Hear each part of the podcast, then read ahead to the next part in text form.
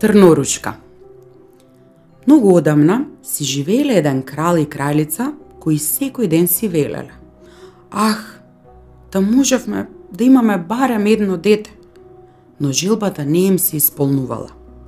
Еден ден, кога кралицата отишла да се искапи, од водата на брегот излегла една жаба, дошла до кралицата и рекла.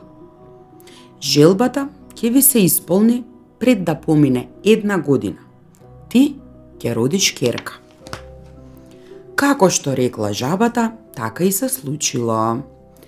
Кралицата родила девојче кое било толку убаво што кралот не знаел што да направи од радост.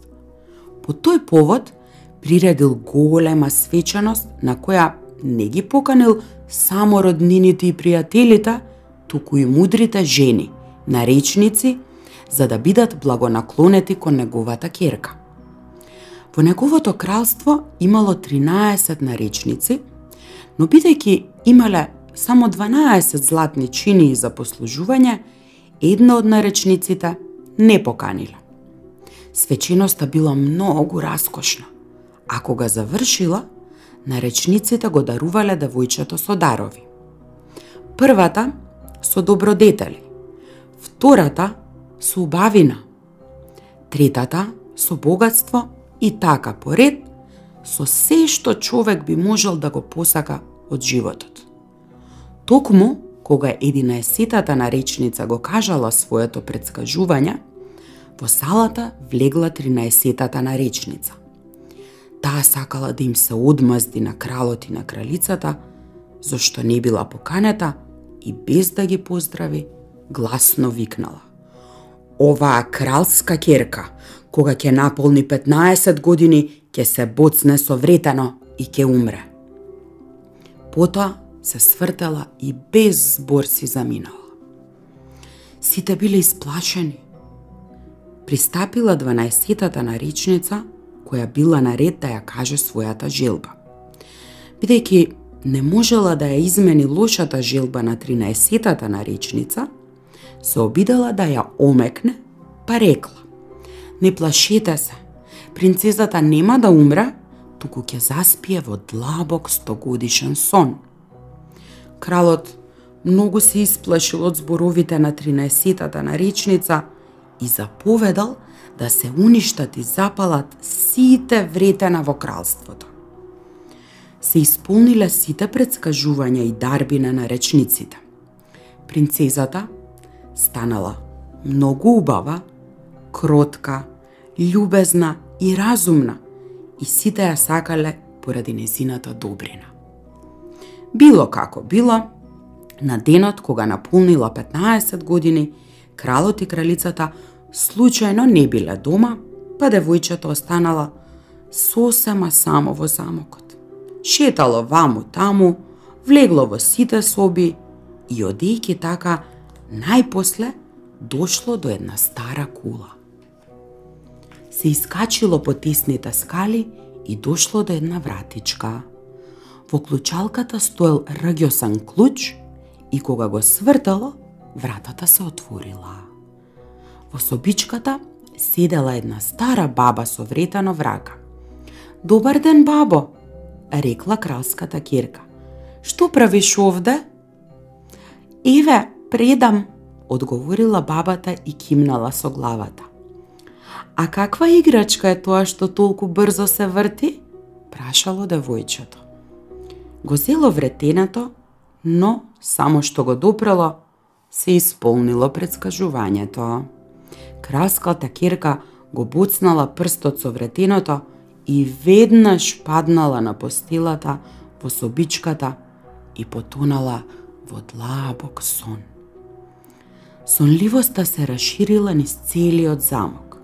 Заспале и кралот и кралицата, кои што туку се вратиле во дворецот и влегле во салата, а сонив и сите дворјани.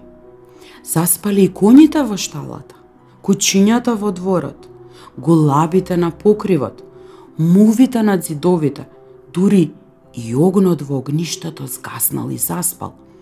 Месото престанало да се вари, а готвачот кој сакал да го повлече за коса својот помошник, зашто бил непослушен, се вкочанил и заспал. И ветерот стивнал, и дрвјата во градината заспале, изгледале како да се нацртани. Околу замокот почнал да расте еден трн, кој секоја година растел се поголем, при што го оградил целиот замок, пораснал високо над замокот, така што замокот воопшто не се гледал, а не се гледало ни знамето на покривот. Низ кралството се расширила приказната за убавата заспана кралска керка Трнорушка. Од време на време, ќе дојдел некој принц, ќе се обидел да се пробие низ трњето за да влезе во замокот, но тие се заплеткувале во честарото трње и не можеле никако да излезат. Па така умирале бавно и болно. По многу години во кралството дошол некој кралски син кој од некој стар човек слушнал за оградата од трње зад која се наоѓал замок во кој веќе 100 години спие убавата принцеза Трнорушка, а со неа спиеле и кралот, и кралицата, и сиите дворјани. Дознал дека многу кралски синови се обиделе да влезат во замокот низ високата ограда од трње, но дека сите умреле. Тогаш кралскиот син рекол, јас не се плашам, ќе одам и ќе ја видам убавата Трнорушка. Добриот старец го советувал да не оди, но принцот не го послушал. Поминале 100 години и дошол денот кога Трнурушка требало да се разбуди од лабокиот сон.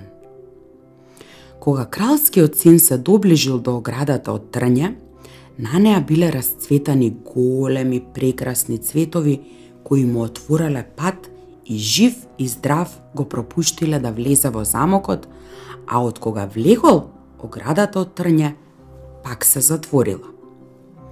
Во дворот на замокот ги видел заспаните коњи и ловечките кучиња, а на покривот ги видел гулабите со главите скриени под крилата. Кога влегол во дворецот, мувите спиеле над зидовите, готвачот уште ја држал раката дигната за да го удри помошникот, слугинката седела покрај кокошката за да ја сготви за ручек. Кралскиот син продолжил да оди и ги видел сите дворјани, легнати и позаспани на секаде. А најгоре, на големиот престол, спиеле кралот и кралицата. Се било толку тивко, што се слушало само дишењето на кралскиот син. Конечно, принцот дошол до кулата, ја отворил вратата на собичката во која спиела трнорушка. Таа била толку убава, што принцот не можел да го оттргне погледот од неа. Се наведнал и ја бакнал. Трнорушка се разбудила и милно го погледнала. Потоа, заедно слегле во дворецот и се разбудиле и кралот, и кралицата, и сите дворјани, кои зачудено се погледнувале меѓу себе. И коњите во шталата се разбудиле ловечките кучиња скокнале и замавнале со опашките. Голабите на покривот ги извадиле главите од подкрилјата, погледите наоколу и одлетале во полето. Мувите на зидовите пак продолжиле да лазат. Огнот во кујната се разгорел. Месото почнало да се вари.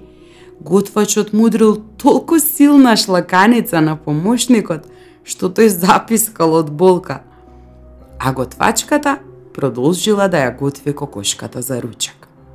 Тогаш направиле раскошна свадба за кралскиот син и Трнурушка и тие продолжиле да живеат среќно до крајот на животот.